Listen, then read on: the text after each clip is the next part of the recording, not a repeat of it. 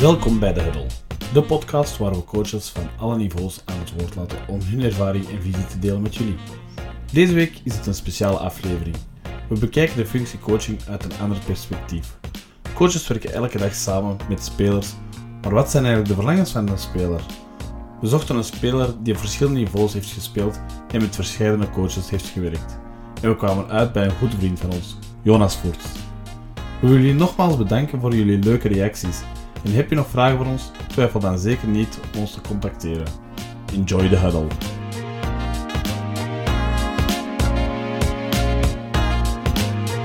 Yes, goedemorgen kijkers. Hallo.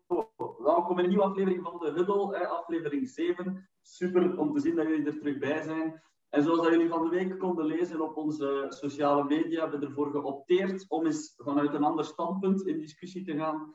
Dus uh, we wilden eens vanuit het, ja, het standpunt van een speler gaan kijken hoe dat zij ja, kijken naar het aspect coaching, wat dat zij verwachten. En ja, we hebben vandaag de eer en het genoegen om uh, een speler uit de hoogste divisie welkom te heten uh, bij deze, meneer Jonas Voerts. Goedemorgen, goedemorgen. Ja, ja, ja, goed. Alles goed met u?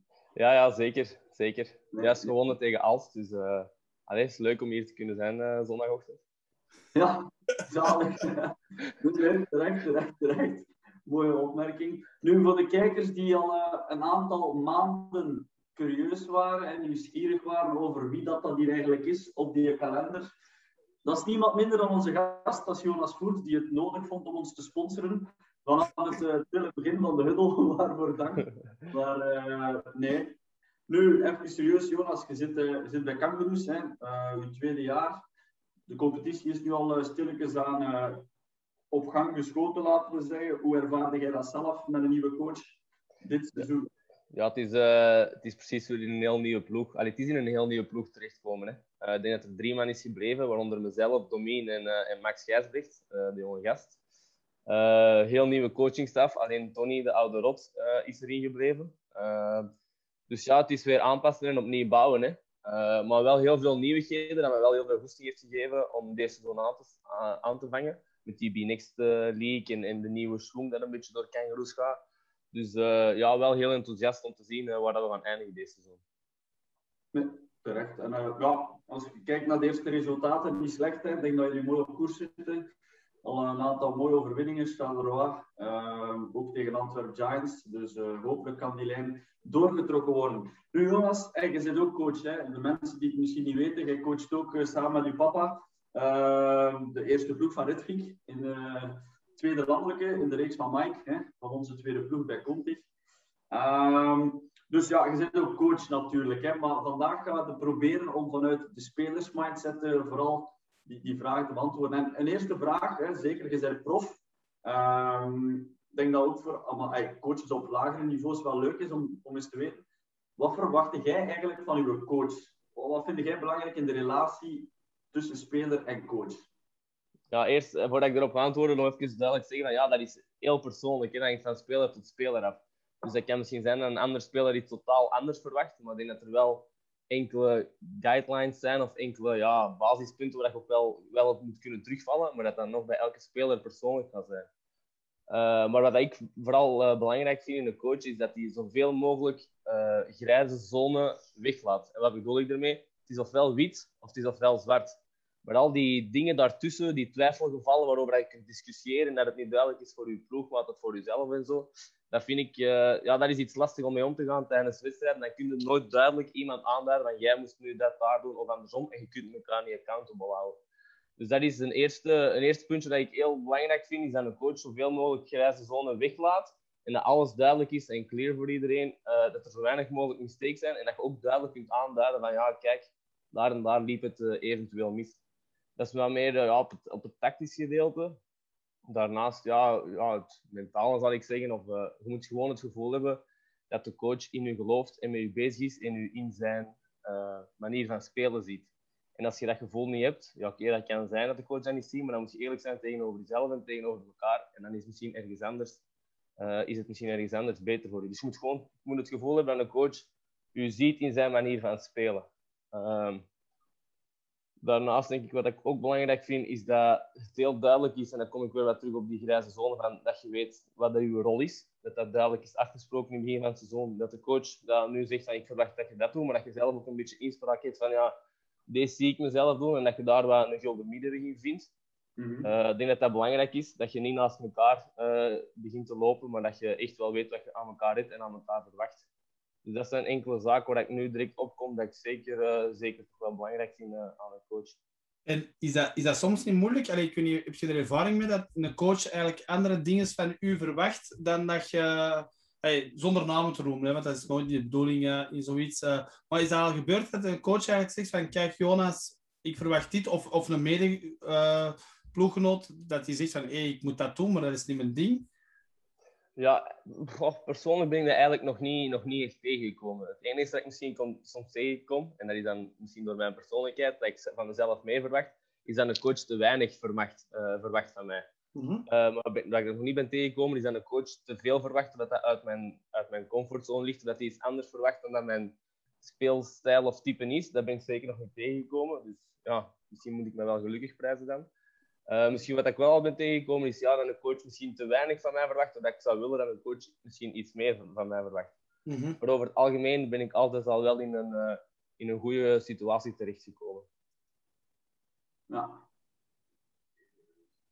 Ah nee, Mike, ik dacht dat je... Ah ja, ik wou het zeggen. Ja, nee, nee ik, wou, ik wou gewoon zeggen van... eh, bijvoorbeeld, je, je, je praat nu eigenlijk over, ehm, over die rolverdeling. Hè? En, en toevallig dat jij er nu ook over begint, maar uw coach is hier enkele weken geleden in geweest, Christophe Michiels, en heeft daar eigenlijk ook een, een heel stuk over gepraat, over het recruitment en, en het eh, type spelers en eh, eigenlijk wie dat hij binnen wil.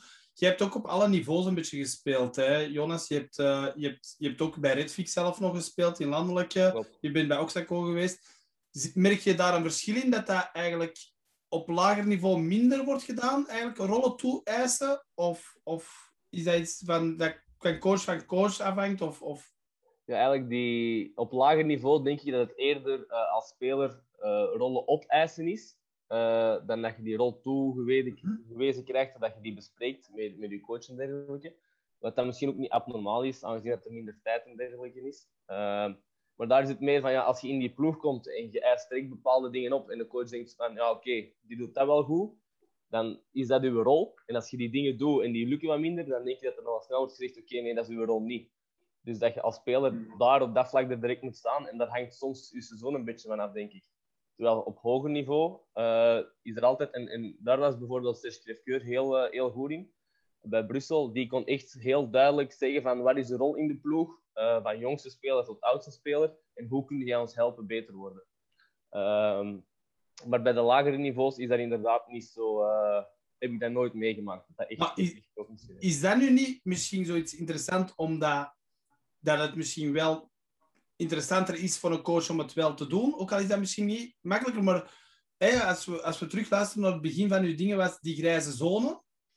Hè, dan, krijg je ook wel op dat vlak een beetje een grijze zone van het toe-eigenen van zelf. Van oké, weet je, ik, ik kan dat goed, ik kan dat goed, maar, maar misschien alleen, past dat ook niet in de coach zijn, zijn, stijl helemaal. Snap je? Ik denk dat misschien coaches op, op lager niveau, of allee, op een, dat die dat wel moeten gaan doen. Dat die misschien meer moeten gaan zeggen, kijk, ik verwacht dit en dit. En dan is het allemaal veel duidelijker voor mensen. Ook geen minder teleurstellingen, denk ik, op het einde van tijdens het seizoen. Ja, ik ben daar zeker, zeker akkoord mee. Ik denk dat dat zeker eh, zou helpen. Maar als ik dan de andere kant bekijk, allee, een beetje de advocaat van de duivel in dit verhaal, Mhm.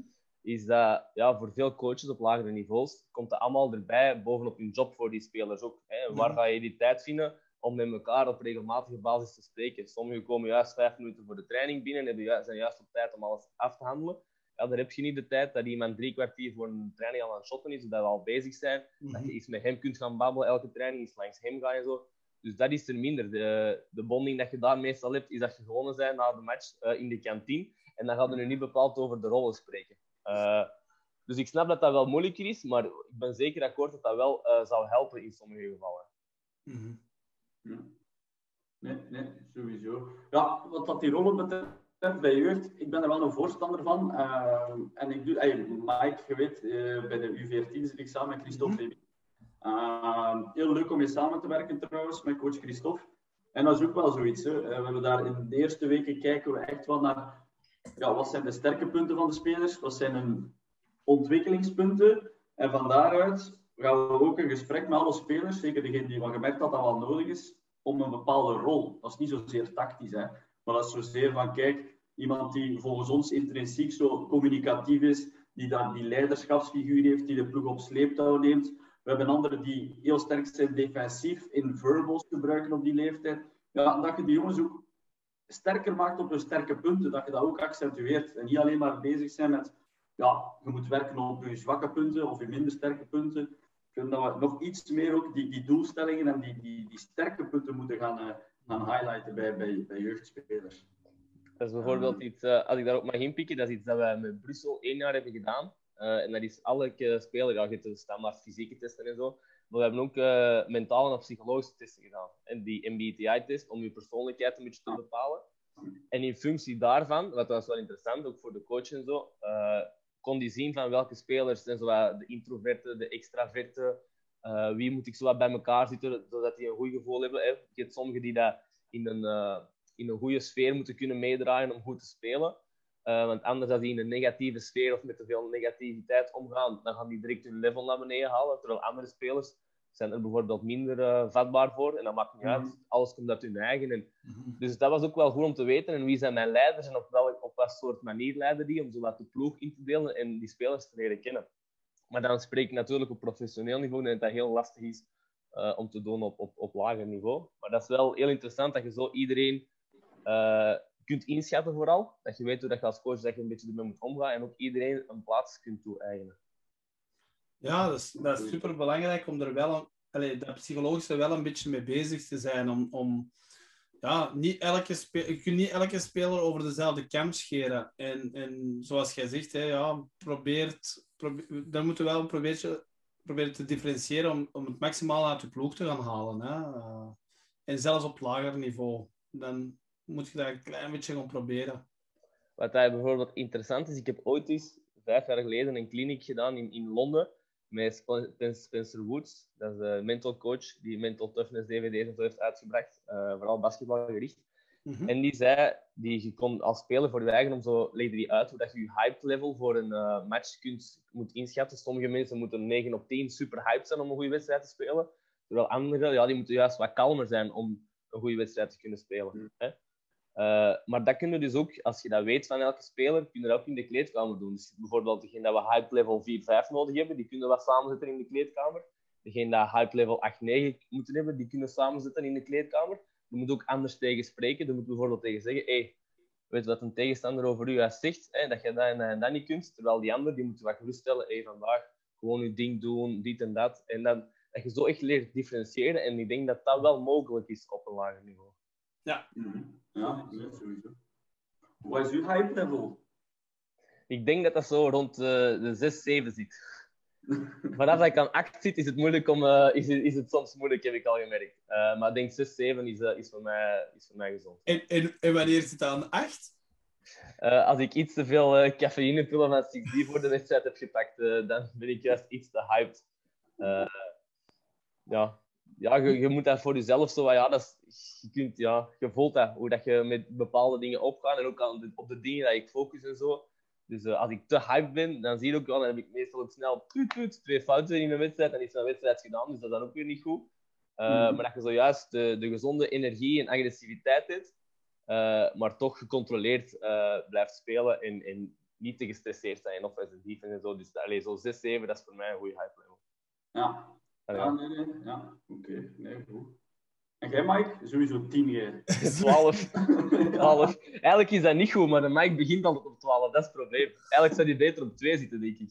Nee, maar ik, ik, als, je, als je gaat kijken naar de, de, de voorbije jaren, is dat wel geminderd eigenlijk. Ik ben daar, ben daar echt... Uh, bijvoorbeeld, een van de zaken is, is, is voor mij... Ik heb een, een heel goede periode in Nijlen gehad.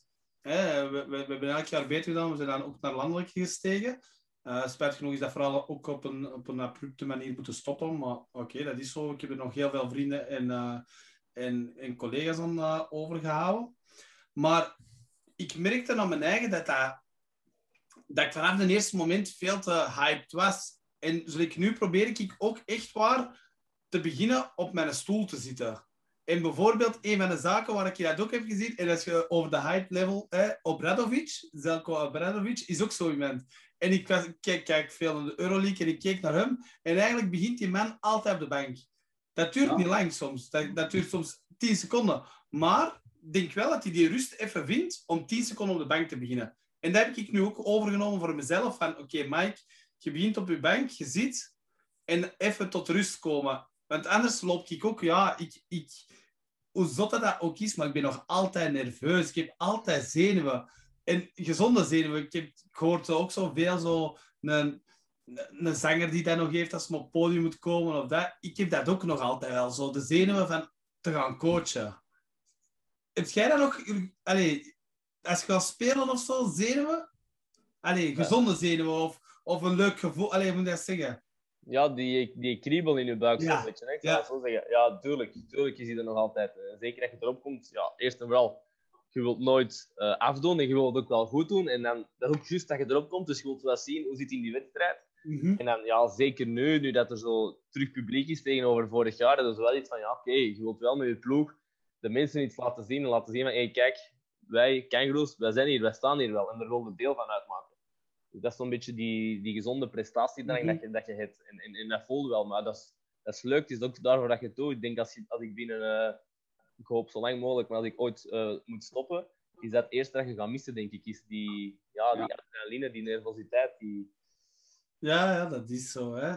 Dat is... Mhm. Eh. Hoe, hoe, hoe, hoe ervaar je dat nu? Hè, Jullie hebben een, een coronajaar gehad waar je eigenlijk geen supporters hebt. Nu, nu komen er allee, toch al wat meer supporters zien. De- Het is toch een verschil. Merk je dat hard? Of, of hoe, voel je dat? Ik bedoel, gewoon... Ja, ook... Dat is toch ineens zo'n heel ander gegeven, dat er, dat er ineens volk in zit. Hè? En, en, Ja, het is, het is, het is nog geen 2000 man. Eh, Of, eh, de, of de, de vroegere tijden eh, dat we met, met Brussel in de play-offs zaten en het asfaltje, eh, dat er 32 graden was en dat iedereen tot op de, op, tot, op de nok gevuld was. Wat ook niet abnormaal is in het begin van een seizoen. Maar toch, ja, die eerste mensen dat er beginnen zitten en zo, dat, dat is toch wel een serieus verschil. Zeker als ik dan vergelijk met x aantal maanden geleden, dat we daar op het einde van vorig seizoen zaten. Waarbij dat, oké, ook niet alles lekker loopt, maar dat je om de dag een wedstrijd hebt. Ene keer in Charleroi, dan weer thuis, dan iets naar Oostende rijden, dan weer thuis ja, en er is geen volk in die zaal, er is eigenlijk bijna niks om voor te spelen, ja, dan dat is moeilijk om je op te laden. En dat, dat, blijft, dat, wordt, ja, dat wordt heel moeilijk ook elke keer terug. Oh, weer met die opwarming starten, dat je altijd doet. Meestal zit je er een uur en een half op voor en oh, weer een half uur shots pakken voordat je eraan begint. En dat wordt zo afgezaagd. En dat is zo elke keer hetzelfde. Terwijl nu, ja, je leeft toe naar elke wedstrijd. Hè. Dat, dat volk is er zo uit. Dus je wilt echt iets laten zien. Dat, dat zijn een beetje entertainers ook op dat niveau. Want ja, je wilt die, die jonge gasten komen zien. Andere mensen, het daarna over kunnen nababbelen. Je wilt dat kunnen... Dus dat is een heel ander gegeven. En, en nu, alleen na vorig jaar en dan nu, merk je pas eigenlijk echt hoe hard dat je het ook doet. Niet alleen voor het liefde voor het spelletje, maar ook gewoon voor dat volk dat er zit. Omdat je, bij mij is dat ook zo'n beetje dat entertainment gevoel in je hebt. Van, je wilt die mensen iets geven. En hoe, hoe probeert coach Vervaak dat toch jullie elke keer daarvoor op te pippen? Want dus, dus voor, dat is wel een heel belangrijke. Je, moest wel spelen en je moest wel in de correcte hype geraken. Dus hoe deed je dat? Hoe probeerde je toch op dat niveau te krijgen? Ja, ik denk dat, dat vorig jaar zeker tegen het einde een hele moeilijke, een heel moeilijke situatie was. Hè. Zeker na die bekerwedstrijd, die finale dat we verliezen. Daarna zien we ons wel een beetje in elkaar zakken, met dan nog enkele coronagevallen en weet ik veel wat.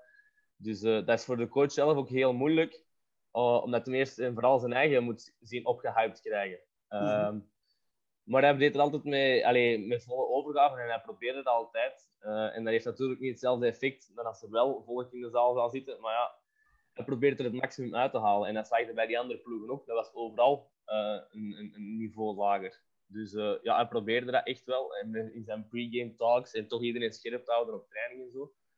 Maar dat voelt ook wel aan de jongens en aan zichzelf en zo. Zeker als je om de dag wedstrijd hebt, ja, dat dat echt moeilijk wordt om elke keer datzelfde niveau te blijven aanhouden. Ja, ja, Niet simpel. ja dat is ook zo. Ja. En bijvoorbeeld, wa- wa- wat ik ook zeg, allee, mijn broer zei ook dat voor hem veel makkelijker fluiten was. is veel makkelijker fluiten. Waarom? Je hebt geen spelers of coaches die, die publiek kunnen beïnvloeden. Als je als scheidsrechter zegt, kom op, gast, nu niet. Vroeger ja, stak je hand in de lucht en zei kom op, hey, dat is fout. En, en veel mensen die komen kijken, komen ook maar entertainment kijken, die roepen direct, hey, boe. En deze is veel makkelijker fluiten voor hen wel. Dus ja, dat, dat was de keerzijde van de medaille voor, voor scheidsrechters, dat het wel eens makkelijker was, uh, het fluiten. En de communicatie liep veel makkelijker, denk ik. Ja, dat hebben we vorig jaar soms om te lachen ook al gezegd. Over ja, nieuwe scheidsrechter dat er dan juist is en zo. Maar oei, oei, als ze nu de druk al voelt, wat gaat dat volgend jaar zijn als er terug volk is? Hè? Ah, ja? En, dat is, en dat is een heel ander gegeven. Hè? Je merkt er ook aan, aan sommige ja, beslissingen van, van scheidsrechters. Dat, die, dat is ook gewoon heel anders. Hè? Ineens er terug 500 man aan de andere kant te roepen. En je bent ja. menselijk. Hè? Je wilt, allee, als je iemand zegt dat zo goed mogelijk wilt doen voor iedereen. En die, dan is dat lastig. Hè? Ja, dan moet je daar terug mee leren omgaan. En zeker voor nieuwe scheidsrechters, als die dat vorig jaar niet hebben gehad en die komen er nu ineens in, dan is dat wel even terug, uh, terug aanpassen. Denk ik. Mm -hmm. Nee, sowieso. Um, Jonas, je zei er straks, hè, het was eigenlijk een vraag van Mike, hè, je hebt alle categorieën, ook bij de jeugd en seniors, wat doorgelopen op verschillende niveaus. En je hebt ook de kans gehad, uh, iets wat in onze tijd niet bestond, Mike, is die dubbele licentie spelen. Hè, dus uh, heel vaak in twee verschillende clubs dan, twee verschillende coaches. Hoe heb je dat eigenlijk ervaren als coach? Want ik weet dat eigenlijk niet, nog nooit bij stilstaan. Die coaches van die twee clubs waar je dan in speelt, zijn er bepaalde afspraken? Communiceren die veel? Zijn er evaluatiemomenten? Hoe ga jij daarmee om? Of zijn daar tips dat je hebt voor coaches? Nou, wel, ik heb... Uh, ik kon er meestal goed mee omgaan. Ik heb ook wel lastige momenten gekend. Maar in het begin van zo'n dubbele licentie werd er altijd een soort van contract opgesteld. Bij alle verschillende mogelijke situaties dat kan voorvallen. Hè. Bekermatch bij de ene ploeg, competitiematch bij de andere ploeg. Mm. Oefenwedstrijd daar, uh, bekerwedstrijd daar. En wie wanneer voorrang heeft, zodat alles duidelijk is. Ik weet niet of dat de standaardgang van zaken is, of gewoon, ja, dat dat Serge was die dat deed, omdat hij alles toch wel graag hè, goede afspraken maakt met goede vrienden. Mm -hmm. Maar zelfs daar gaat een merk in een seizoen in toch zo wat grijze zone en dat de ene toch wat meer aan uw arm proberen te trekken daar en de andere wat meer daar.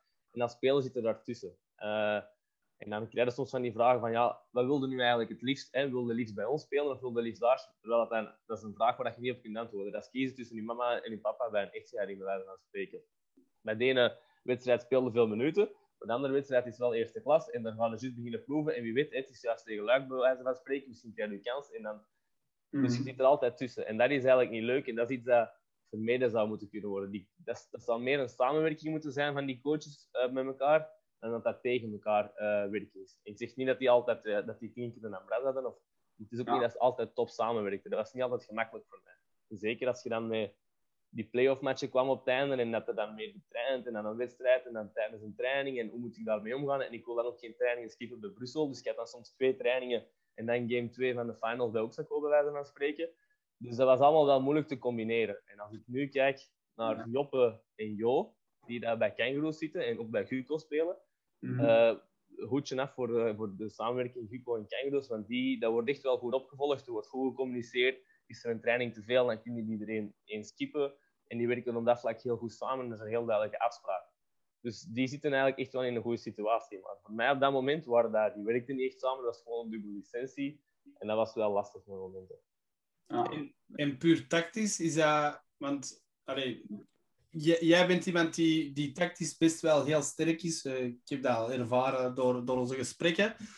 Maar ik denk dat dat niet voor elke speler even evident is. Want elke coach heeft zijn eigen, zijn eigen visie een beetje. En je komt dan in twee, twee ploegen.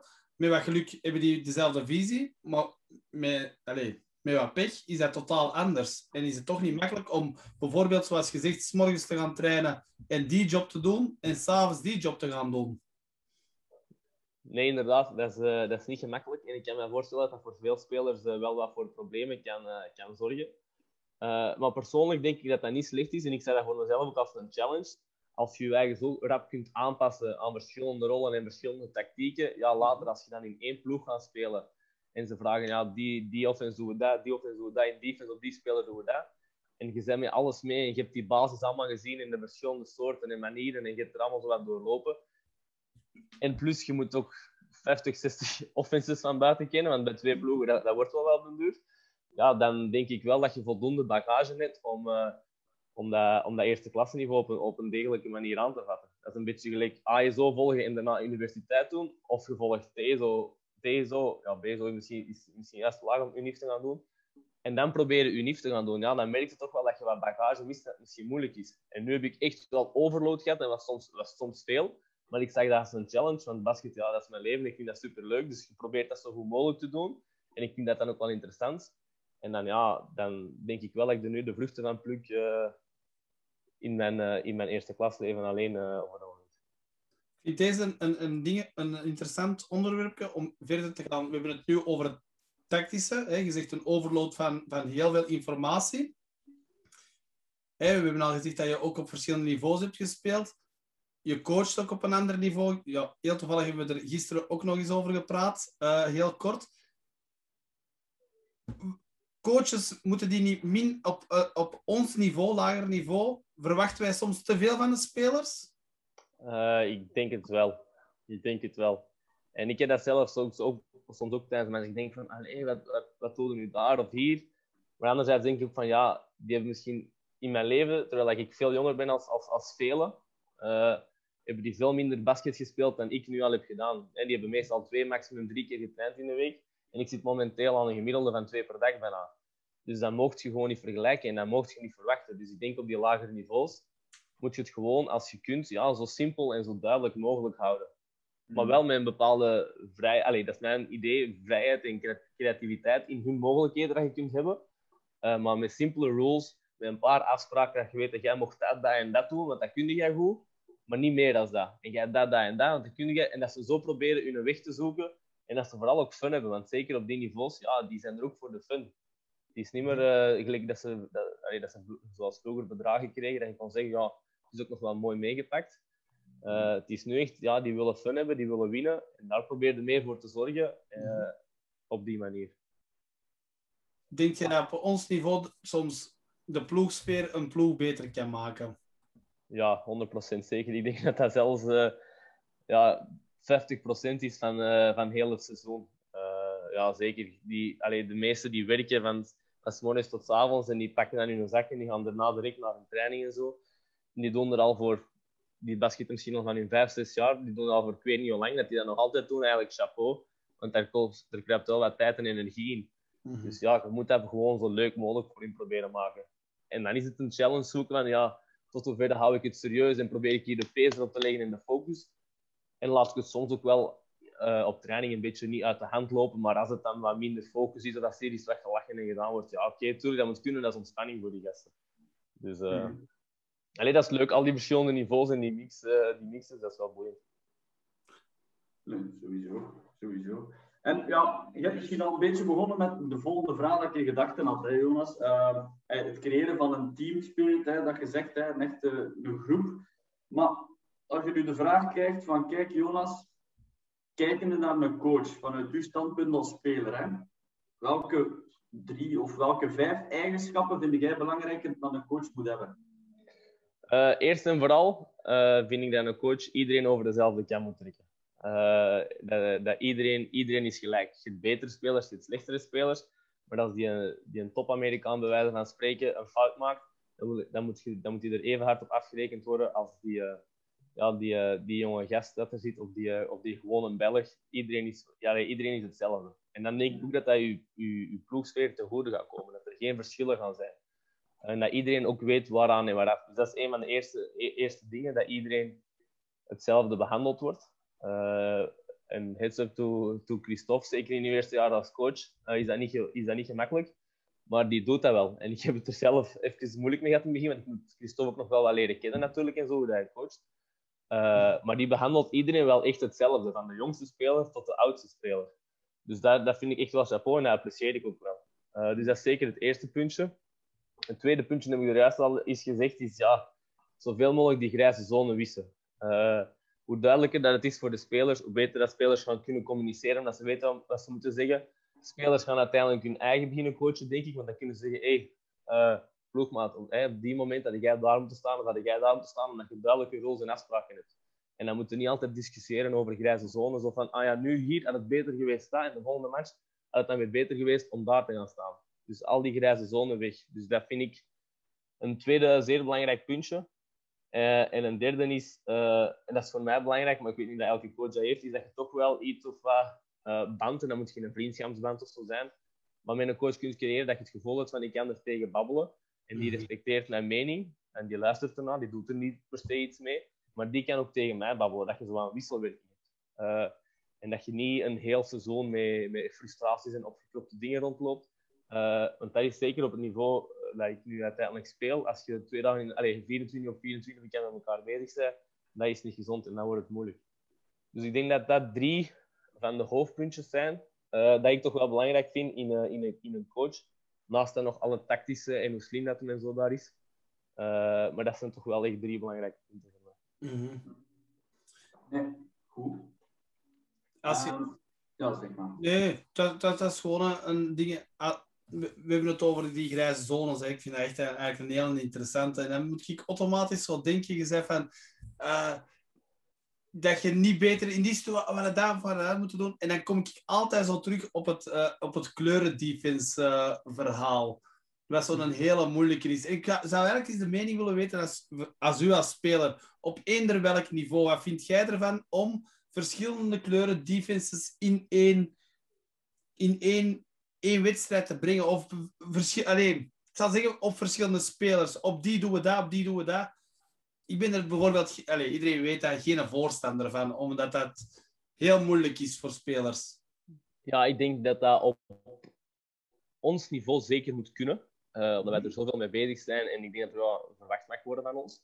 Ja. Uh, maar de, die, die kleuren defense of die verschillende defense, die moeten allemaal wel iets of wat dezelfde posities hebben op de weak side of dezelfde rotaties. En dan kun je nog zeggen, oké, als we bijvoorbeeld ondergaan of, of, of, we doen een switch, dan kun je eigenlijk sneller vertrekken van die help side positie. Of als we een hedge doen, of weet ik wat, wil ik dat je iets langer blijft staan, dat je nog, maar dat de rotaties wel altijd hetzelfde zijn. Mm -hmm. Dat je daar waar leert op inspelen. Maar je kunt bijvoorbeeld niet de ene keer zeggen dat we gaan bumpen uh, van de weak side en de andere keer bumpen altijd van de two side bijvoorbeeld. En dan de die kleur. Ja, dan, dan, wordt het, dan wordt het messy. Of dat je, dat je kleurdefense hebt of ballscreen defense, dat je nog kunt afspreken tussen, ja, we kunnen eens een trap defense doen, we kunnen eens een hedge defense doen, oké, okay, dat is nog bekend hetzelfde. Of je kunt ondergaan, dan moeten we bijna niet helpen. Maar plak er dan nu, nu niet ineens een push to the weak hand defense of zo tussen, want dat is dan weer helemaal iets anders. Mm -hmm. Dus dat het iets of wat wel in dezelfde lijn is, en dan bedoel ik niet per se op het ballscreen, maar in de rotaties er rond. Omdat je daar echt wel, dat is iets dat ik ervaren heb bij Brussel. Ik heb er ook zes jaar gezeten, maar daar hadden we wel een ploeg werd ook keihard op getraind, maar die dat je rotaties van buiten kent en die dat elkaar ook aanvoelden. Van, ah ja, als die gaat hitchen, dan weet ik, dan kan ik hier iets sneller vertrekken, want die recovert beter. Of als die hitcht, ja, die blijft meestal wel langer hangen. Hier moet ik wel langer blijven staan, die helpside, want die is meestal wel later terug. En dat je zo die dingen van elkaar begint te voelen en daar ook tot op de perfectie dient. Ja, als dat echt klopt, mm -hmm. dan zijn een heel goed verdedigende team. Maar ja, dat, moet, dat, gaat wel, dat gaat moeilijk op één seizoen, denk ik. Dat heeft een seizoen of twee, drie geduurd. Maar dat is wel iets dat er stond en dat was zo clear voor mij en voor alle spelers. Er was geen grijze zone. In de video kon je perfect na elke wedstrijd zeggen: ah, hier, daar, je positie was daar niet goed. Of ah, daar, je positie was daar niet goed. Je hebt nu dan moeten vertrekken. En dat was heel duidelijk. En je kon elkaar ook accountable houden tijdens een training. Dus daar ben ik wel echt voorstander van. Maar je moet ook wel kunnen aanpassen op het type spelers dat je hebt. Uh, maar dan moet de screen defense in lijn blijven met een beetje je rotaties en je posities. Je kunt niet ineens push middle doen als je altijd push base doet, bij wijze van spreken. Mm -hmm. Dan denk ik dat het niet loopt. Ja. Maar dat is mijn idee erover. Nee, klopt, klopt. Duidelijk. Nee, sowieso. Um, Jonas, er schiet mij eigenlijk... Waarom lacht je? Twee minuten geleden schiet er mij een vraag binnen. Uh, een paar weken geleden hebben we uw coach Christophe Michiels hier gehad. En over, op een bepaald moment ging het over... Uh, Mike hou ik nog weten waarover dat gaat over inspraak van spelers, luisteren naar uw spelers op training, tactisch. En ik weet nog dat coach Christophe op een bepaald moment zei, ja, ik vind, ik vind dat belangrijk dat je daarvoor open staat, maar als ik naar een Jonas zou luisteren, dan zou ik alles moeten aanpassen. Dus mijn vraag is, Jonas, hoe belangrijk vind jij als speler om inspraak te hebben? Super belangrijk. En als ik iets zeg, moet dat direct aangepast worden. Nee, uh, ik, denk dat, ik Christophe ook wel, wel overdreef. En ik hou, uh, allez, meer dan de helft hou ik nog voor mezelf voor het moment. nee, nee, uh, nee, Christophe overdreef daar inderdaad wel wat in, uh, om te lachen. Uh, maar ik heb soms wel alleen graag een idee, ik durf dat, niet, durf dat niet zeggen. Maar ik vind dat, dat is een beetje dat wederzijds respect en die man dat je moet ophouden. Van, ik kan met ideeën komen, of ik vind dat ik met ideeën moet kunnen komen. En die moeten, ik, kan, ik respecteer dat, ik apprecieer dat, die moeten dan ook niet gebruikt worden. Uh, en er kan eens over gebabbeld en gediscussieerd worden. Uh, of als ik met vragen zit, of als ik denk, dat dat niet beter zo. Christophe staat er ook voor open. Uh, en dan passen we misschien iets klein aan, omdat dat beter voelt voor de spelers of zo. maar je moet natuurlijk ook zien als speler dat je er niet elke dag aan die deur staat om eigenlijk heel zijn filosofie aan te passen en iets helemaal anders te willen spelen. Want ja, dan, dan klikt het gewoon niet met de coach en dan, dan zijn ze niet op dezelfde lijn. Dus dat moeten we wel... Uh, maar dat ik bijvoorbeeld denk aan een, een optie dat zou kunnen helpen of weet ik veel wat, ja, dan vind ik wel dat je dat perfect moet kunnen zeggen. Maar ik, dan moet je als speler ook kunnen accepteren dat het wel of niet gebruikt wordt. Uh, dus ja, dus ik, vind dat, ik vind dat belangrijk. Ik vind ook niet dat iedereen dat mag doen. Ik bedoel, sommige spelers die moeten nu eigenlijk beter eerst focussen. Heb ik zoiets van met hetgeen dat ze moeten doen en totdat ze dat goed doen en dat ze dan pas met andere dingen kunnen bezig zijn. Mhm. Uh, maar spelers voelen zich sowieso ook wel een beetje belangrijker en geapprecieerd als er uh, naar hen geluisterd wordt en af en toe misschien iets mee gedaan wordt. Ja, ja. Nee, sowieso. Maar ik denk dat dat bij u ook zo is. Je zit al in die coaching ook en je coacht zelf al. Dus ik denk dat dat er ook wel mee te maken heeft dat je een bepaald idee hebt en dat dat daarvan komt. Ik denk dat ook heel veel spelers daar ook geen nood aan hebben. Ja. Ik denk vooral over niet-profs bij profs, nou, er zullen ook wel profs hebben die daar geen nood aan hebben. Hè. Um, dus uh, maar het kwam even naar boven. Um, goh, wat willen we nog weten? Er zijn nog wel honderden dingen dat we kunnen weten. Hè, willen Ja. weten. Uh, nee, Jonas, hoe hebben we het nu juist gehad over, dat, over die inspraak? Hoe ervaar je, en we gaan dan toch af en toe naar dat coaching van jezelf, hoe ervaarde jij dat bij Redvik? Je zit er zelf met, met, met spelers, hè, Banjou denk ik, en, en Glenn Collier, ik zal de naam noemen, hè, Timothy Wuits, die, die, die, die regel, die net, dat zijn een type spelers die, die vaker dat gaat zeggen. Hoe ga je er zelf mee om als ze naar u komen zeggen? Sta jij er altijd voor open of is dat... Ik, ik, ik, ik, luister, ik luister altijd. Mm, Uh, ja, en ik sta is er goed. altijd voor open. Maar die, die spelers hebben ook wel, wel respect uh, voor mij. Ik denk dat voor, allee, dat voor mij ook misschien gemakkelijker is dan andere coaches, omdat ik zelf ook wel op een niveau speel dat die zoiets hebben van oké, wat hem zegt zal wel kloppen, of die weten er wel iets van, wat hem zegt, houdt steek. Mhm. Maar dat sommige coaches dat misschien moeilijker zouden hebben in die situatie. Maar ik luister wel altijd. Uh, en ik probeer ook zo wat te achterhalen. Wat, wat voelen ze nu juist? Of soms zit er ook wel een enige frustratie van die speler achter. Mhm. Dat ze ergens niet goed gebruikt worden of niet goed in hun vel zitten. Mhm. Uh, en dan probeert je ook weer op die moment, hè, meestal is dat ook, gaat het ook over een grijze zone, en probeert je die grijze zone weer weg te werken. Van, Mhm. ah ja, nee, maar wow, wow, wow, dat is eigenlijk niet hetgeen dat we willen. Ja, we willen dat zo en zo en zo. Ah, zo wilde dat eigenlijk. Ah, oké, ja, in dat geval, dan ben ik wel mee. En dat je er zo wat over babbelt. Je kan nooit direct iets afblokken. Soms zijn er ook wel goede ideeën. Uh, En die kunnen we dan meepakken, want ik, ik, allee, dat is iets dat ik binnenkort wil implementeren in de trainingen. En nu soms al doen, maar ik geef ze soms een moment van, ja, oké, het nu time-out staan punt achter of ik weet niet wel wat. Uh, je mocht als ploeg uw first play bedenken, of uw last second play, maar wel binnen onze regels en, en, en, en afspraken die we hebben gemaakt. Dus, dus dat is dan leuk voor die spelers, en dan hebben die zelf van inspraak en, en die mogen altijd naar mij komen. En dan babbelen wij erover en dan probeer ik ja, dat terug te clearen en dat alles in orde is. Uh, en ook vooral, vooral te achterhalen van wat gaat er eigenlijk in die hoofden om. Mhm. Waar willen ze eigenlijk naartoe? Want spelers gaan dat meestal niet direct kunnen zeggen. Uh, en dan meestal, allee, tot nu toe komt dat, is er altijd wel goed gekomen en dan weet iedereen wel wat er moet doen. Ik vind dat zeker een goede tip, Jonas. Ik doe dat zelf ook op training. Ik, uh, als we 5 tegen 5 spelen, soms leg ik het spel stil en we hebben bepaalde plays dat we lopen. Uh, of sets lopen we. En dan zeg ik van, kijk, jullie gaan nu een optie zoeken, buiten onze set eigenlijk, hoe dat we dat gaan oplossen. Allee, bijvoorbeeld zeg ik tegen hun van, zoek iets, hè, want we hebben moeilijkheden om die bal daar te krijgen, zoek iets hoe dat we dat kunnen oplossen. En, en soms merk ik gewoon dat dat voor hun heel moeilijk is. Dat zij zo vastgeroest zitten in, ja. oké, okay, ik moet naar boven komen. En dat ik gewoon zeg van, kom, het is heel makkelijk. Uh, bijvoorbeeld, jij loopt naar daar en jij dribbelt ineens over. Ah, dan zeg je, ah ja, dat is makkelijk. En nu merk ik, hoe meer dat je dat doet als coach, dat even toelaat om, om snel een optie te zoeken, dat zij er wel veel beter mee bezig zijn. En beginnen na te denken, hé, hey, ik kan dat doen, of we kunnen dat doen. Nee, nee, dat klopt inderdaad. En je merkt bij spelers, en dat merk ik zelf ook, of als ik die zo wat die vrijheid geef in in de opwarming in zo'n 3-0 of 4-0 drills, hè, dat er weinig creativiteit komt. En dat dat meestal na de eerste optie direct toch een shot of, of iets gebeurt. Dan zeg je, ja, probeer eens wat verder te gaan. We hebben geen vaste setplay waar je tot het einde of zo kunt gaan.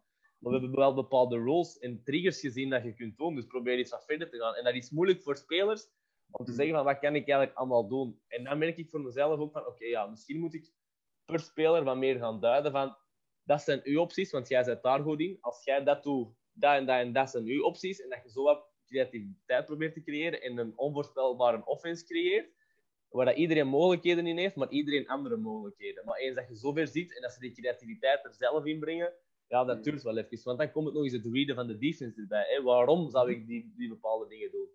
Dus uh, ja, dat is, dat is boeiend. Maar je ziet wel die, die spelers vooruit gaan maken, zelfs op dat niveau. En ja, ik ben benieuwd waar, dat ze, waar, dat ze, waar dat ze komen, maar dat is, dat is wel leuk. Als, ik, als ik een tip kan geven, het is eigenlijk geen tip van, van, allez, van dingen, om die 3 tegen 0, de 4 tegen 0 wat, wat intensiever en interessanter te maken. Bijvoorbeeld heb ik, een, heb al honderd keer gezegd, ook in podcast, is dat ik ooit bij, bij Royakkers geweest, die nu bij Bamberg zit. En daar was hij heel goed. Wat, wat deden zij? zij? Deden 4 tegen 0 en, en die, die penetreerde, die paste, die, die ging dan daarna voor een dunk. Maar wat deden die heel goed? Die, die, die vierde precies, die, die wonnen altijd een Champions League, zeg ik. Dus wat deed hij? Die penetreerde, die paste, hup, en die speelde one more, en die riepen dat ook. En dan ging die dunken, of die deden een driepunt, en die vierde dat. Maar, twee seconden later waren die ook terug gefocust. Het is niet makkelijk om met elke ploeg te doen. Ik probeer dat in Konto ook wat in te brengen. En ik merk dat ook wel dat dat helpt. En in het begin trekken die dat wat in het belachelijke. Maar aan de tijd, als die ook merken dat in de wedstrijd die one mores en, en de extra passes lukken, dan gaan die dat op training ook doen. Ik heb er juist nog training gehad met de juniors. En die deden dat soms automatisch van de pas ging. En de ene penetreerde nog en die ging dunken. En die werden allemaal gek. En Ja. eigenlijk is dat easy, want het is 1 tegen 0 dunkt die. Maar toch even dat, dat hype zijn en dan terug gefocust worden. En dat helpt wel om die extra passes te gaan geven. Nee, dat is inderdaad leuk. En, en dat is een goede tip. Misschien kan je er wel meer op ha- haveren. En ik weet Mhm. bijvoorbeeld bij ons, als we dat doen bij Kangaroos, dan, eh, dan is al die ploegen tegenover elkaar. Hè? Als wij dan bijvoorbeeld een goede offense met een goede flow hebben gehad, en ik weet niet wat wij finishen dat, dan zitten we al te trashen tegen die andere ploeg van hey, die see this? Hè? Eh, amazing team en bla bla bla. En als die andere ploeg dan zo'n simpele offense of zo iets niet goed pff, good flow of eh goeie, allee, dan, dan proberen wij die er zo terug wel op uit te dagen en te pakken. Eh, dat je zo wat, ja, dat in het belachelijk of het karikatuur trekt. Maar eigenlijk is dat wel hetgeen dat je nodig hebt en dat is wel leuk voor die, voor die sfeer. En je gaat wel naar die extra opties en zo. Dus ja, je kunt beter op die manier die dingen doen dan dat je ermee een gezicht tot op de grond staat, zoals je zegt. Maar dat is inderdaad ja, leuk. Dat dat, en dat is normaal, denk ik, dat dat bij andere... Ik denk dat dat bij vele eerste klasploegen wel zo zal zijn. Ik weet niet, zijn al erg- enkele gaan zien. Maar dat die allemaal wel zoiets hebben van, ja, als we deze niet gaan ophypen, dan gaan we nooit steun hebben in onze, op onze trainingen tijdens de dag. Hè. Mm. Dus, eh, maar dat is inderdaad leuk. Ja, het is dat wat je er straks zei. Die hebben een hele dag gewerkt. En, en dan, dan wil ik dat die hun amuseren. En soms merk ik ook van... Ook, allee, ook al is dat 4 tegen 0, dat kan plezant zijn. Je kunt, je kunt lachen. Bijvoorbeeld mijn eerste training in Nijlen kon ik dat niet doen. Ik zei dat tegen die en die, trokken, die, die begonnen al te scheten en die bleven. Allee, ik kende dat. En ja, als je de Stefan Marier net eh, in de ploeg... Ja, die, die stond er al... eh, maar na een tijd komt dat wel. En, en ik ben er echt een voorstander van dat je dat op elk niveau en, en ook bij jeugd moet toelaten, maar en ook echt duidelijk maakt van, kijk, ik wil deze ook... Allee, want wij, wij zeggen altijd op de bank, ah, je, wilt, je moet je ploeg aanmoedigen. Hè? Je moet je ploeg aanmoedigen. Maar eigenlijk op, op een training moet je dat niet doen. Hè? Dus eigenlijk, ja, op training ook. En op de bank ook, tijdens de wedstrijd. Je moedigt je aan, maar je moet gefocust zijn. Jij moet daarna onmiddellijk erin kunnen. Ja, Dus, Ja. dus dat zijn dingen die je ook moet trainen. Anders kun je dat niet trainen. En je kunt niet verwachten van je, van je spelers van altijd rustig te zijn en dan op de, op de, allee, op de bank gaan zitten en, en gewoon chanten voor, voor die anderen. Dus. nee, nee, dat klopt. Sowieso. Nee, ik denk dat het inderdaad zoiets is. Hè. Ik bedoel, dat het heel duidelijk is als coach dat je uitlegt aan je spelers, jeugd, zeker bij jeugd ook, waarom doe je dat? Waarom verwacht je dat? Wat levert het op voor ons als ploeg? Want inderdaad, soms zie je bij jeugd dat zijn supporters, amai, die zijn nogal arrogant. Oké, dat kan arrogant overkomen. Het is maar wat die coach als boodschap wilt geven. Hè. Wat, wat willen wij? Waarom doen we dit? En inderdaad, ik vind dat dat heel versterkend kan werken. Uh, dat is dat ik heel hard merk, bijvoorbeeld uh, de voorbije jaren. Dat is misschien nu al wat beter, maar dat, bij de Elite Academy, al die elite ploegen, die komen er allemaal aan in hun trainer. Maar dat is echt zo de brotherhood. Dat staat op een t-shirt en dat willen die echt creëren. En je merkt dat ook op die bank. Je probeert er met zoveel mogelijk man te zitten. Bij elk klein ding dat er gebeurt vanaf die U14. Bij die U21 is dat moeilijker, want die zijn zo niet echt opgeleid. Die zijn er pas later ingekomen. Maar ook die hebben dat. Ja, alles wordt daar opgehyped en, en, en uitvergroot en gedaan. En je moet je soms bekend tegenhouden. Je mogen dat veld niet oplopen, bij van spreken. En veel andere mensen, en, en die kijken dan en zeggen... Oh, zo arrogant en dit en dat. En, en dat is zo'n beetje typisch België. Want als je kijkt naar, naar college of high school, en al die, al, iedereen heeft dat daar. En dat is gewoon leuk. En dat, dat straalt een soort van zelfvertrouwen uit en, en, en dominantie. En je merkt ook de andere ploegen, die deinzen soms wat terug ervan. Maar ik vind dat dat moet kunnen en dat moet getraind worden. En dat, moet, dat is een cultuur dat je moet creëren. En ik wou dat even zeggen, want ja, vele mensen die kijken naar IE van ja, die arrogante van IE en hun trainer, die zitten allemaal wat graaf te doen en weet ik wat. Maar eigenlijk zijn dat allemaal één voor één topkerels. Oké, die soms wel, wel, wel wat studie nodig hebben, maar die zijn helemaal niet arrogant. Die hebben gewoon funny wat ze doen, omdat ze niet op de bank zitten of op het veld staan. En, en, dat vind ik, en dat vind ik belangrijk. En dat vind ik, allee, dat vind ik een van de dingen dat ze daar creëren, daar, allee, waar ik heel veel respect voor heb. Dat ja, dat is, dat is in elk, elk ding zo, hè, dat je eigenlijk in je werk, in, in, in, bij mijn zus bijvoorbeeld, in de, in de fitness, een soort familie creëren. Hè? Dat is belangrijk. En dat, dat, dat komt door uniformiteit en, en ja, de juiste mindset creëren. Dat is, dus ik snap uw punt wel dat dat niet arrogantie is, uh, volledig. Uh, en dat mensen, ja, in België zijn we er soms een beetje kortzichtig in, dat, dat klopt. Nee, dat is, dat is een feit, dat is een feit. Jonas, um, pom, pom, pom, pom, pom. even denken, even denken. Oké, jij bent nu speler ik denk dat we die vraag kunnen stellen. Hè. Dus volgende week gaan we terug de komende weken coaches hebben. Hè. Dit week was het uh, door omstandigheden. Hè. Je, je noemt zelf tweede keus. Hè. Dat je vandaag derde, zijn. Derde heb jij zelf gezegd. nee, nee, het was een idee. Jij wist dat ook al. Hè. We hadden het al een paar weken geleden gevraagd hè, om eens een speler te hebben. Maar omdat, jij nu, omdat we nu toch kijken vanuit de spelersstandpunt, hè, wij zoeken constant coaches die in de huddle willen komen. Ja, je kunt geen fout antwoord geven, want uw coach is er al in geweest. Maar welke drie coaches, of dat dat nu basket is of een andere sport of, of bedrijfscoaching, maakt niet uit. Maar wie zou jij graag eens in de huddle aan het woord horen? Oh, dat is moeilijk. Uh, maar ik zou graag uh, wel eens aan het woord horen. Ook omdat dat de coach is van de nationale ploeg. En omdat je er veel van ziet Mhm. Eh, van buitenaf, maar dat je eigenlijk niet goed weet hoe hij is en hoe hij denkt. Allee, of je kunt dat nu ondertussen wel al een beetje inschatten, omdat je er al veel tegen speelt.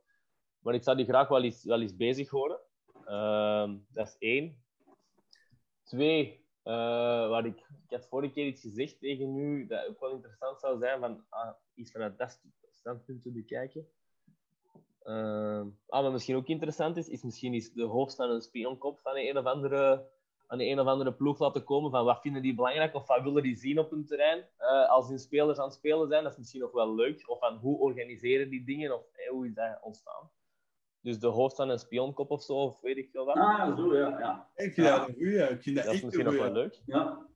Uh, en wat had ik nog? Ik had een derde puntje waar ik aan dacht. Uh, ja, misschien toch wel, want we spreken altijd het mentale is ook belangrijk en het psychologische en dergelijke. Maar ja, wat is dat juist? Of wat houdt dat juist in? Of wat kunnen we juist doen? Want ja, we hebben er allemaal niet voor gestudeerd. Of, of zijn er kleine bepaalde dingen? Dus misschien ja, toch met een, met een soort van sportpsycholoog of mental coach uh, is samen zitten om te kijken van ja, wat zijn kleine tips en tricks dat wij kunnen doen om het onze spelers aangenamer te maken. Of ook voor onszelf gewoon om rustiger te blijven of weet ik veel wat. Of misschien wat meer hype te zijn. Of, of, want we spreken altijd ja, het mentale, dat is ook belangrijk en daar ben ik ook mee bezig. Maar met wat juist? Van, wat moeten we juist doen? Of wat is juist het mentale? Dat is, zo, dat zo'n breed, een breed gegeven. Dus dat je daar misschien is, ja, wat is een korte lijst voor ons, waar dat we iets mee kunnen doen voor de spelers. En ook dat de spelers misschien kan helpen. Hè? Ik weet niet, kan interessant zijn. Ja. Dus dat zijn drie andere invalshoeken.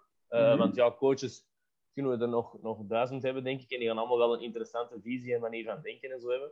In hun eigen, in hun eigen stijl. Maar ik denk dat die twee andere invalshoeken ook wel eens... Uh, is leuk zou zijn. ik ben vooral benieuwd ook naar die supporters van ja, wat willen die nu eigenlijk juist dat is leuk om spelers dan eens te weten van oké, wij willen zien dat hij 30 punten maakt, of wij willen zien dat hij gewoon alles geven op het veld. eh, en dan zijn wij content winnen of verliezen. En dan, Mhm. ik denk dat supporters van Luik anders gaan zijn dan de supporters van Oostende bijvoorbeeld. Dus dat, dat, is, ja, dat zou ik misschien wel eens interessant vinden. Nee, ja, leuk. Dat, heeft dat denkt in een... Allee, wacht, hè, hoe moet ik dat zeggen? Als speler, hè? Je kunt dat op elk niveau eigenlijk. Hoe, hoe voel jij dat aan als je na de wedstrijd in de, kleedka eh, in de, in de cafetaria komt? Maar we gaan het makkelijk maken, hè? Na een verliesmatch. Na een verliesmatch, iedereen coach. Dus jij komt in de, kleed, eh, in de cafetaria, in de VIP of, of ergens anders. Iedereen is coach. Hoe ga jij ermee om? ja, dan, eh, dan probeer je alles af te blokken, is veel gezegd, want die mensen komen kijken naar u en, en je probeert die een luisterend oor te bieden eh, en, en te horen wat die eraan denken. En die, die roddelen dan soms wel over, over spelers en coaches en je gaat er niet mee, maar je luistert wel en je knikt van ja en dan en je probeert die een zeggenschap te laten doen en uh, hierin daar de wijze van spreken. Maar die, die moeten zich ook gehoord voelen. Eh, maar ik weet bijvoorbeeld bij Brussel, hè, dat was dan een hele vaste supportersgroep, en die waren eigenlijk winnen of verliezen, zolang dat je alles hebt gegeven op het veld. En dat die zagen van, ja, die werkt voor ons, want die vecht samen met ons. En dat is wat dat samenhorigheidsgevoel hadden. En, en je had, je, je had bloed, zweet en tranen en alles was erop en eraan. Ja, dan, dan zijn die nooit kwaad op u. Dan gaan die Mhm. altijd beginnen zagen op een of andere buitenlander. Dat weer 20 shots weggenomen en niks deed in defense en, dergelijke. Maar die gaan nu nooit iets kwalijk nemen of dat je nu wint of verliest. Dus dan is dat wel aangenaam. Want ik kan me bijvoorbeeld voorstellen, ik heb soms ook posts gezien op Facebook en zo van Alst. En dat is soms grappig als speler van een andere ploeg om te lezen. Maar daar zijn sommige supporters heel hard op hun spelers, terwijl die echt wel hun best gedaan hebben. En die hebben gewoon een match verloren uiteindelijk. Dus dat is zo, wat- ja, elke cultuur is zo wat anders. En dat vond ik heel leuk bij Brussel, zolang dat je alles gaf voor die ploeg. eh, en dat je echt speelde met, met je hart. En, en die voelden ook, dan stonden die achter u, winnen of verliezen. Je had zelfs ene supporter dat zelfs meer begon te wenen met u na de wedstrijd. En dat je verloren werd, die was zo emotioneel. Dus dan is dat zelfs nog leuk en aangenaam om boven te komen. En dan kun je wat over de match babbelen en zo. Nee, dat is. Ja. Is dat iets wat jij doet, social media checken? Nee, eigenlijk valt dat goed mee. Alleen,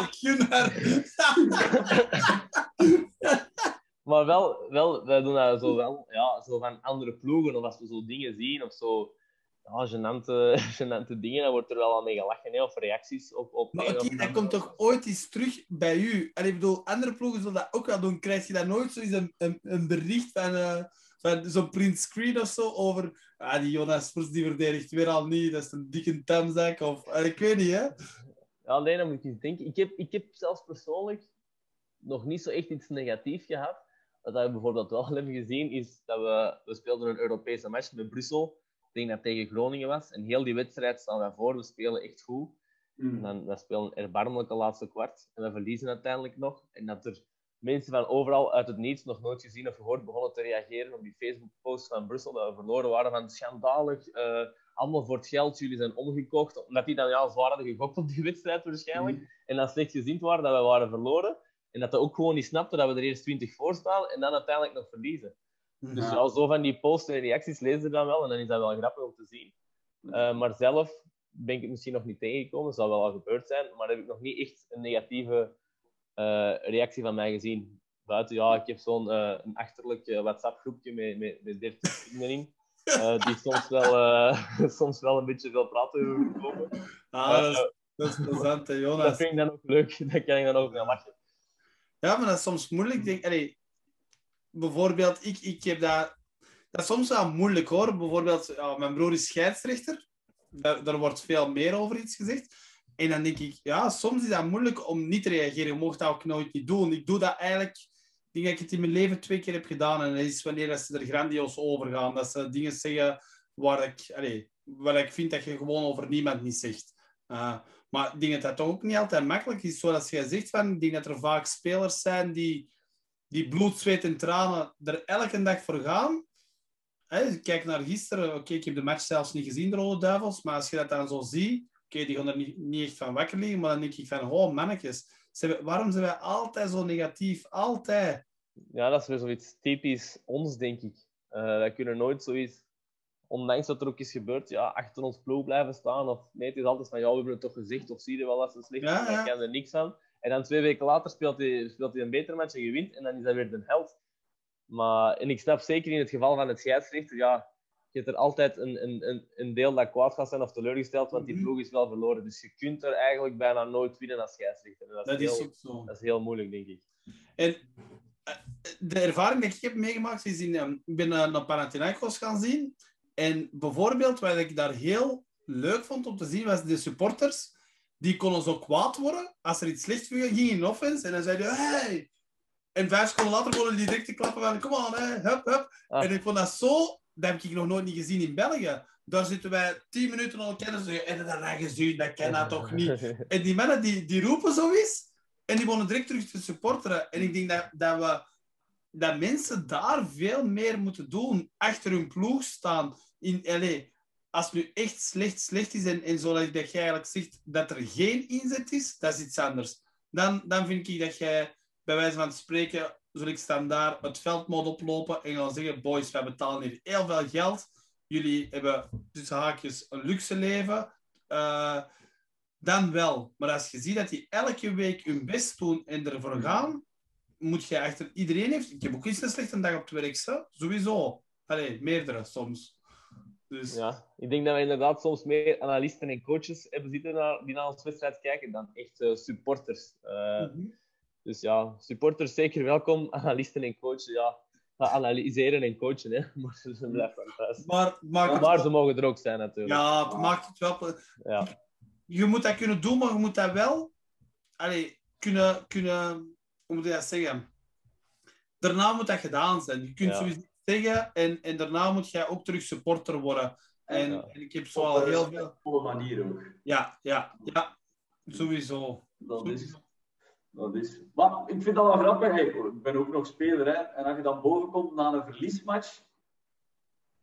Dus, iedereen heeft een mening. Hè. Iedereen, eh, maar ik vind dat grappig dat supporters die ook minder van basket kennen. een match soms anders zien dan wij dat zien. En de ene zegt dat het daar aan lag. De andere zegt dat daar aan lag. Dus zo zie je maar, iedereen is eigenlijk een beetje coach. Hè? En ik heb er allemaal geen probleem mee. En luistert wel, gelijk dat Jonas zei. Je gaat daar niet te veel op in, want ja, je moet toch ergens wel de kerk in het midden houden. Maar ja, dat is wel leuk om te zien hoe dat mensen basketbalspelletjes zien. Eh, iedereen heeft zijn eigen mening. En daarmee dat ik ook zeg, je mag van mij altijd een mening hebben, maar zorg gewoon dat het een respectvolle manier gebeurt. Dat, eh, dat is nog altijd het beste dat er is. Jonas, je, je bent hier als speler in de huddle. Wat is uw mooiste moment tot hiertoe op basketbalgebied? Eh, ik denk toch eh, ja, de kampioenspeler in tweede klasse met. Eh, ja, dat was zoveel. Dat was eigenlijk ja, echt mooi getimed. Hè. Ik ben dan gestart met mijn dubbele licentie op derde klasse. Ik ben dan naar tweede klasse kunnen gaan met Cindy Klaas. Die zijn failliet gegaan. Dus dan eigenlijk, ik begon wat minuten te krijgen bij Brussel. Dus ik dacht misschien een niveau lager kan. Ben ik hier eerst landelijk begonnen. En dan dacht ik van ja, weer een niveau hoger. Ja, dan naar derde klas. Maar ook mijn rol daar was anders. Dan was ik ineens de main guy. En niet meer de joker dat van de bank kwam. Dat zo naar derde klas gegroeid. En dan naar tweede klas, wat eigenlijk mijn laatste jaar dubbele licentie dan was. Wat ook een heel druk jaar werd tegen het einde, omdat ik echt wel minuten kon, serieuze minuten begon te krijgen bij Brussel. Eh, dan nog dat Oxaco gedeelte erbij. Ik zag het jaar ervoor dat Oostende kampioen was gespeeld met, met die jonge gasten Simon Buisen en zo. Dat heeft hij echt wel geholpen in hun eerste klasse carrière. Dus ik had zoiets van, ja, ik zou graag nog een jaar tweede klasse doen, maar met een ploeg waarmee dat we kans hebben om, om iets of wat van prijs te pakken. We grijpen dan juist naast, de, naast een beker in de halve finale tegen keer met een punt of zoiets. Dus dat is dan al zuur en je wilt echt wel een prijs met die ploeg. En je bent bij Brussel ook serieuze stap aan het zetten. Dus het wordt mentaal ook allemaal superveel en fysiek. En ik ben ook iemand die dat geen enkel training skipt. Want de afspraak op voorhand eh, met Oxaco was twee trainingen is genoeg. Ja, mezelf kennen, ik was er dan toch die drie trainingen. En bij Brussel miste ik ook niks. En dan zo bouwt dat op tegen het einde dat we in die play-offs zitten met Oxaco en al de back-to-back wedstrijden met, met, met Brussel. Dus ja, ik had soms vier, vijf wedstrijden op vier, vijf dagen in een weekend. Wat dat absurd veel was. Eh, dus al dat zorgt ervoor dat die ontlading na die finale, dat je dat dan toch hebt gehaald. Eh, en dat je fysiek en mentaal eigenlijk echt wel kapot bent. Ja, dat, dat, was, dat was gewoon, dat, dat voelde geweldig aan. Omdat je er echt keihard voor gedaan, je er voor gewerkt. En je hebt zoiets van, oké, ik heb nu dat dubbele licentiehoofdstuk kunnen afsluiten. En ik had het gevoel van, nu ben ik echt klaar om professioneel op eerste klas eh, mijn steentje te beginnen bijdragen. En dat was, ja, dat volgde elkaar zo mooi op. Dat was echt een uitdaging om te zien dat je er altijd stond en dat je mentaal en fysiek fris waart. Alleen toch zoveel mogelijk. En dat het dan gelukt is uiteindelijk, ja, dat echt... Uh, daarna ben ik ook wel een beetje in een zwart schat gevallen nadat dat gedaan was. Uh, omdat ja, je mist, dat, je mist dat ineens. Je hebt dat ook nooit echt kunnen vieren. Ja, twee maanden daarna, als de competitie in eerste klas gedaan was, heb je dat misschien één keer nog eens goed gevierd. Maar dat is zo, ja, dat, dat is heel raar, maar dat voelde wel, wel heel goed. En dat is echt zoiets waarvoor je hebt gewerkt, het is standaarden gelegd van in de zomer. En dat is dan gelukt. Dus dat, dat, is, dat is geweldig om dat ook met die groep te kunnen doen. Hè. Uh, dus dat denk ik dat een van de mooiste momenten was. Sorry dat ik dat zo'n beetje uitgebreid heb verteld. Nee, nee, nee, maar dat is, ik denk dat dat een, een heel leuk... Allee, ja. Iedereen heeft zo'n zo leuke momenten. Hè. Voor mij als, als coach is het... Uh, is het, na, na, het stijgen naar landelijke, met, met, met Nijlen bijvoorbeeld, kan daar ook heel... Allee, uh, mijn doel als coach was bijvoorbeeld allee, de afspraak met de voorzitter, want je hebt altijd zo van die afspraken dat je toch moet maken. Altijd elk jaar beter doen, zei ze. En in dat derde jaar, ja, mijn, mijn papa sterft en, en allee, mijn ploeg heeft sindsdien, hebben wij, allee, van, van de sterfte van mijn papa tot aan de play-offs eigenlijk, hebben wij één wedstrijd verloren. Dus voor mij heeft dat echt ook zo'n grote emotionele waarde, omdat mijn ploeg heeft echt alles voor mij gedaan. De, de dag dat wij, dat wij tegen de play-offs winnen, ik, ik ga dat nooit meer vergeten, ik kreeg tranen in mijn ogen. Ik zat te wenen, omdat voor mij was dat echt emotioneel zo zwaar. Ik wou dat hij erbij was, dat kon niet. Maar ik wist wat mijn ploeg ervoor gedaan heeft. Die, die, die deed dat voor mij. En ik heb die zotte dingen zien doen dat ik dacht van, mij dat heb ik gewoon nog nooit niet gedaan. uh, allee, ja. Dus, dus nee, dat is echt niet erg dat je zegt, oh, zo uitgebreid. Dat is voor sommige mensen er zo'n speciale ding. Ik weet niet, voor Gunnar zal dat ook wel zo zijn. Hè? Om met mij de huddle mogen doen, bijvoorbeeld. Ik denk dat dat echt een, een serieus ding is. Hè? Een serieuze opgave is dat. Nee. nee, nee, maar dat is, ja, we hebben allemaal zo'n momenten. Hè, of, of ja, zaken waar je op, kunt terugvallen, waar je sterkte uit haalt, hè, waaruit dat je kracht haalt eigenlijk. Hè. Dus uh, nee, nee, sowieso. Um, dus ja, dat is uw mooiste. En wat is de droom nog? Heb je nog als speler? Want ja, je bent nu midden de twintig, eindelijk. Um, wat, zijn uw, wat, zijn, wat zijn uw dromen nog? Heb je nog bepaalde doelstellingen? Heb je al contact opgenomen met Antibes ondertussen? Ja, dus uh, mijn droom is in een heel warm land kunnen spelen in een Vespa, in een, in een klein appartementje, uh, in een, in een oké loontje. dus we zullen zien. Ja, ik sta er soms wel een beetje bij stil van wat zou er nog allemaal wat zou er nog kunnen komen. Maar anderzijds ben ik ook iemand die heel hard in het, in het moment probeert te leven en gewoon alles wat ik nu doe zo goed mogelijk probeert te doen. En wat dat komt, dat komt. En wat dat niet komt, ja, dat, dat komt niet. En ik sta er zo iets minder bij stil. Maar ik ben wel curieus van wat zouden de volgende stappen kunnen zijn. Mm -hmm. en ik zou misschien ooit, als dat, als dat echt een verbetering is tegenover waar ik, waar ik nu zit, misschien eens willen proeven van het buitenland. Uh, ik zou ook wel eens in aanmerking willen komen voor die nationale ploeg, voor de Belgian Lions. Uh, dat zijn allemaal dingen waar ik nog wel uh, naartoe wil werken. Dat er zeker uh, op staan. Maar voor de rest, ja, wat dat komt, dat komt. Ik probeer echt zoveel mogelijk te genieten van waar ik nu zit en waar ik nu aan toe ben. Mm. En, en daar keihard in te werken. en, en dan zien we wel. En dat is gewoon leuk dat je heel dat proces, ja, dat je er zoveel mogelijk van, van, van geniet. De ene keer verliezen en dan krijg je zo onder je voeten, de andere keer winnen en iedereen is hyped. En, en ook dat hoort erbij. En zelfs van dat verliezen kan ik soms even hard niet Nee, dat is niet waar, maar daar kan ik ook van genieten als van dat winnen. Dus dat, is gewoon, uh, dat is gewoon leuk. Dus ja, echt zware dromen, zoals de NBA draft of zo, dat, uh, nee, dat niet. Nee, okay. Ja, maar de mensen die je niet kennen, Jonas, uh, allee, je bent de kerel die er ook heel hard heeft voor gewerkt om, om te graag waar je nu bent. Hè. Ik, ik, denk dat iedereen dat echt wel, allee, dat dat echt wel chapeau is. En dat jij ook wel een kerel zei die de voeten echt wel op de grond heeft. Uh, je kunt misschien soms iets wat, wat, wat speciaal uit de hoek komen of zo voor andere mensen die je niet kennen, maar voor iedereen een heel toegankelijke kerel om, om met te praten over, over niet sport, over sport. Ik denk niks anders dan respect voor wat je doet. Hè. En uh, ik denk dat tenminste dat zeker moet weten. Dank u, dank u. Mm. Ja, dat is waar. Ik wil wel nog één iets zeggen. Het is vooral over Mike, zo, voor de kijkers. Uh, omdat je liet het woordje hyped weer vallen, hè, Jonas. En ik wil nog even naar het begin van het gesprek, waar dan Mike zei dat hij als coach minder hyped is als vroeger. Dat klopt. Maar voor zij die willen weten waarom dat het woord hype level is uitgevonden, dan moet eens naar onze vijfde ploeg komen zien op de vrijdagavond als we op staan. Hij staat nog niet op het veld en hij is al aan level 20. Dat is uh, niet normaal. Ja. ja, het was, kijkers, het was even technische storing. Um, het was hier even te hyped. Uh, nee, waarom het woordje hyped, ik wil toch nog even terugkomen, Jonas, omdat je het daarnet zei. En Mike was er in het begin van het gesprek over bij dat hij als coach niet meer hyped is. En dat klopt wel. Maar het woordje hyped is uitgevonden voor mensen zoals Mike als ze als speler op het veld staan. Maar als je de vrijdagavond inkontig naar de vijfde ploeg komt zien, dan is de Mike al op hype level 20 tijdens de opwarming. Dat is...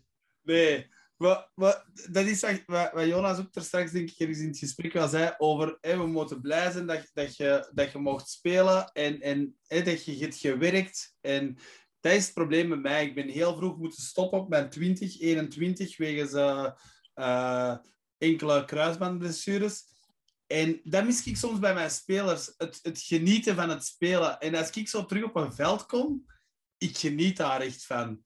En zoals ik vorige week zondag, zaterdag, denk ik, heb ik terug moeten spelen. En mijn zus was komen kijken. Mijn zus heeft ook al zes jaar niet meer gespeeld. En die zei juist hetzelfde. Die zei, Mike, oh, ik, wil, ik wil ook zo terug op een veld staan. Ik wil terug, terug eens basketten. En uh, ja, dat is zo. Als dat, als dat grote liefde dan, dan ja, ik geniet daar echt en dan ben ik echt al hyped. En, en ik probeer zoveel mogelijk te lachen, te zwansen. En, en ervan te genieten om eens terug op een veld te staan. Want uiteindelijk, voor mij is dat de mooiste sport dat er is. Allee, dat ik zelf kan spelen en, en oh, ik mis dat wel. Ik mis het er staan. Eigenlijk zou ik nog geen coach moeten zijn. Dan zou ik er een jeugdcoach moeten zijn en nu tot mijn 35 moeten spelen.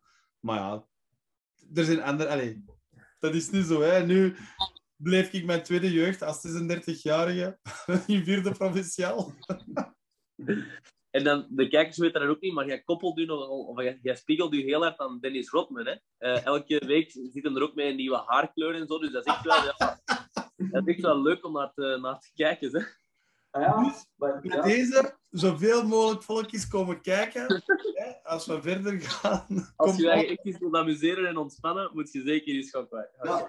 Oh, maar, oh, ik moet aan eens denken. Hey, twee, drie weken geleden zijn Jonas en ik komen zien naar uw match, naar de match van Mike.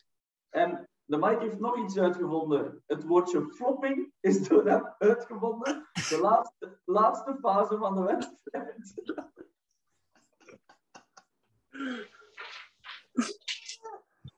Oh, dus ja, dat we daar geen beelden van hebben, maar dat zou wel een mooie, mooie episode van de huddle kunnen oh, vorige week nog eens gedaan met drie puntjes.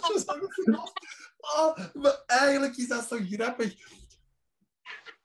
Als ik zo speel en bijvoorbeeld zo floppen, ik, ik ben er zeker van, als een speler van de tegenpartij, dat ik direct tegen die heeft zeg, hey, floppen, floppen. maar je doet dat allemaal zo zelf. Hè. Oh, en dat is zo plezant. Oh, eigenlijk ook zo ruzie maken na een match. Dat moet toch, je moet het toch gewoon kunnen amuseren. En dat ik eraf moet denken, oh, we hebben ons weer goed gelachen.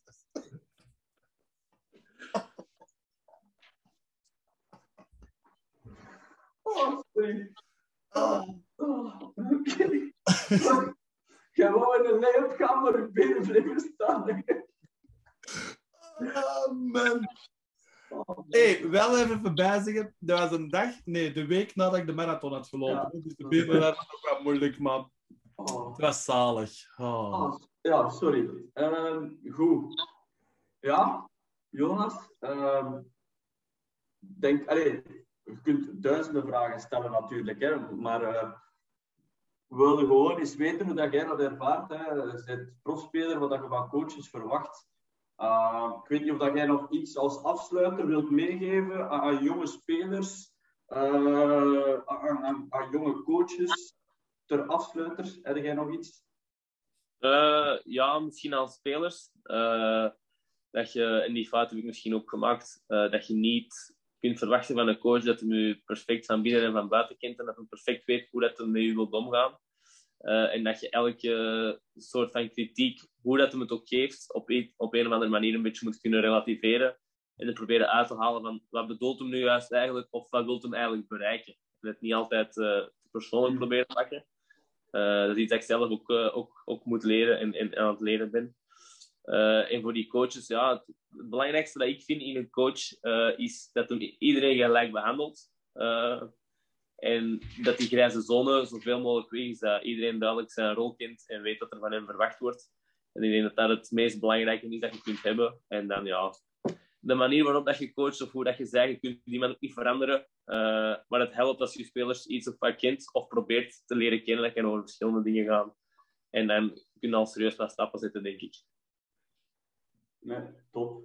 Ik denk dat dat een hele mooie afsluiter is van, uh, van een leuk gesprek. Hè, tussen een andere invalshoek, hè, Mike. Ik denk dat dat wel leuk was. Ik weet niet, heb jij nog iets dat je wilt vragen? Of nog één ding dat ik wil delen, en daarom dat ik even naar beneden aan het kijken was. Uh, voor alle coaches en, en spelers.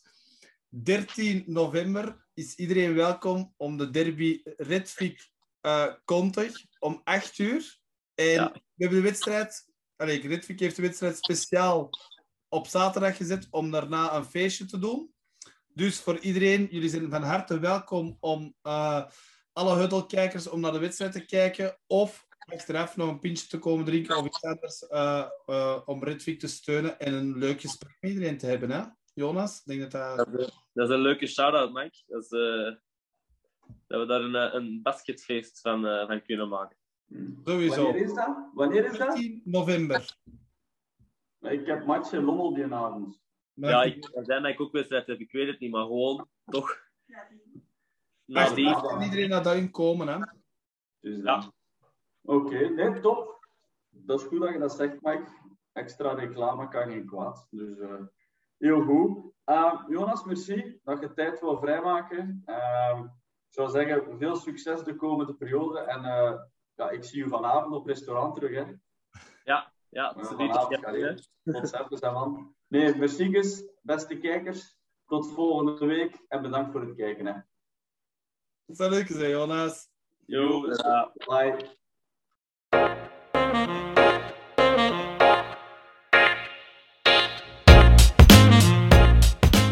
Bedankt om te luisteren naar de Huddle. Op het einde van elke aflevering konden we de volgende coach aan. Maar deze week wilden we eens iets anders doen. We zouden graag van jou weten wie je graag in de Huddle zou zien. Heb je een vriend, kennis of toch een persoonlijk voorbeeld als coach? Laat het ons gerust weten in de comments. En wie weet zit jouw favoriet volgende week in de Huddle.